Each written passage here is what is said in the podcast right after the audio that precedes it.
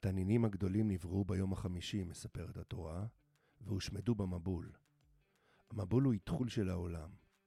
המדע ספר עד כה לפחות שבע ריסט כאלו. אותם תנינים גדולים, הדינוזאורים, פרצו לאחר ההכחדה החמישית, הגדולה ביותר, The Great Dying. הם התהלכו כאן כמעט 200 מיליון שנה. חלקם שקלו מאות טונות, ונדמה היה שיישארו לעד. כך חושב כל מי ששולט לאורך זמן. אבל אז הגיע סלע מהחלל, משהו בגודל של תל אביב, ונחץ ממפרץ מקסיקו. הוא יצר רעידת אדמה שנמשכה חודשים. בערך פי 50 אלף מהרעידה החזקה ביותר שמדד האדם בצ'ילה ב-1960. כשהמטאור נחת, הוא גם הרים צונאמי בגובה 4.5 קילומטר. לא תצליחו לדמיין את זה. מחצית מהאברסט. כדור הארץ כוסה באבק וקרני השמש נחסמו. הצמחים מתו, ואז אוכלי הצמחים, ואז הטורפים כמו הטירקס המפורסם. מי ששרד היו דווקא היונקים, אלו שהתחבאו מיליוני שנים במחילות באדמה מאימת הזוחלים. הם היו קטנים, חלקם עיוורים, היה להם מנגנון ששימר את חום גופם, הם נראו אולי כמו החולד העיוור של היום. כשהדינוזאורים נעלמו, הם יצאו החוצה, נשמו אוויר, והתחילו את הזמן שלהם. שלנו בעצם. נכון? אז זהו שלא. הדינוזאורים לא נעלמו, הם למדו את הלקח. לפעמים הבינו, לא כדאי לעורר תשומת לב. חלקם התפתחו לעופות של ימינו, אבל המקום שבו הם בחרו להתחבא ולהמתין לשעת כושר, המקום הזה מתוחכם. אתם מכירים אותו. הוא נמצא ממש בראש שלכם. החלקים הקדומים שבמוחנו מכילים שתי מערכות. המערכת הלימבית שהמקור הרגש, היחסים החברתיים, הזיכרון והלמידה, שמלווים אותנו כבר מהיונקים הראשונים, אלו שהמציאו את האהבה. וחלק קדום עוד יותר, בסיסי מאוד, זה שהגיע אלינו מהזוחלים ואולי כבר קודם לכן. הוא האחראי על ההישרדות הבסיסית שלנו, שם האינסטינקטים שמחפשים אוכל ורבייה.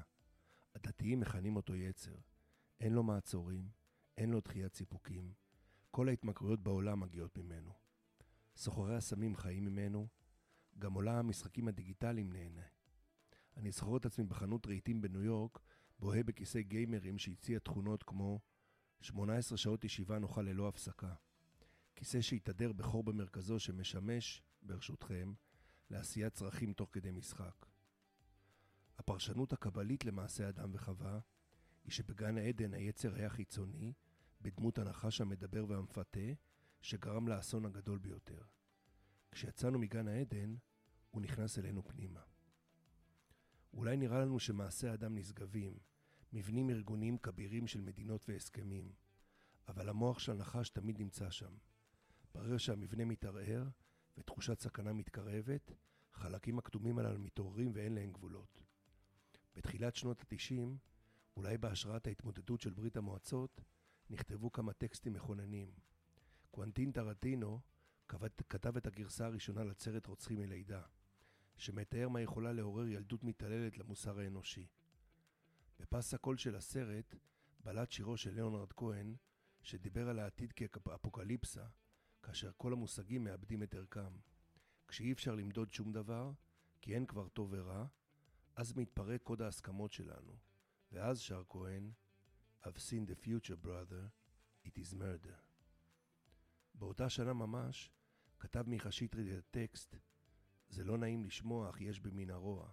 צד אחד אפל, אלים ופרוע, שיושב בפנים ליד האהבה והשקט, ויוצא החוצה כשהחומה מתפרקת. אז איך משחררים את המפלצת? איך מפילים את החומות? זה כל כך קל. כאשר המרחב הציבורי שלנו נשלט על ידי רגשות עזים, אמירות בוטות וחוסר שליטה, המוח הקדום, זה שנמצא שם כל הזמן, מתעורר. כשהוא מזהה מאבק, סכנה, פריצה של גבולות, פחד, הוא קם להגן עלינו, והוא לא יודע לעצור. אין לו מוסר, אין לו אהבה, אין לו רגש, יש לו רק יצר ראשוני של הישרדות. זה קורה כדברי השיר, בראשית ימי הכוח ובסוף ימי השכל. אז מה הפתרון? ליאונרד כהן אומר בשיר, אתה לא מכיר אותי, אני היהודי, היהודי שכתב את התנ"ך.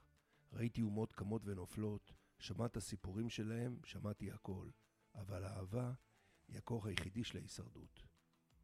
הייתי רוצה לראות הרבה יותר שליטה, הרבה יותר רצון להתפשר, הרבה יותר הבנה שאין מנצחים במאבקים, אלא רק בהסכמות. אם לא נבין זאת, אם נשחרר את המפלצת, מהר מאוד לא נכיר את עצמנו. לפני שנרגיש, הנחש שבתוכנו יהפוך לטירקס, שאף פעם לא באמת נעלם, אף פעם לא באמת נרדם. הוא מחכה, הוא יודע, ואז המחיר יהיה כבד, כי כשעושים reset, עושים על הכל.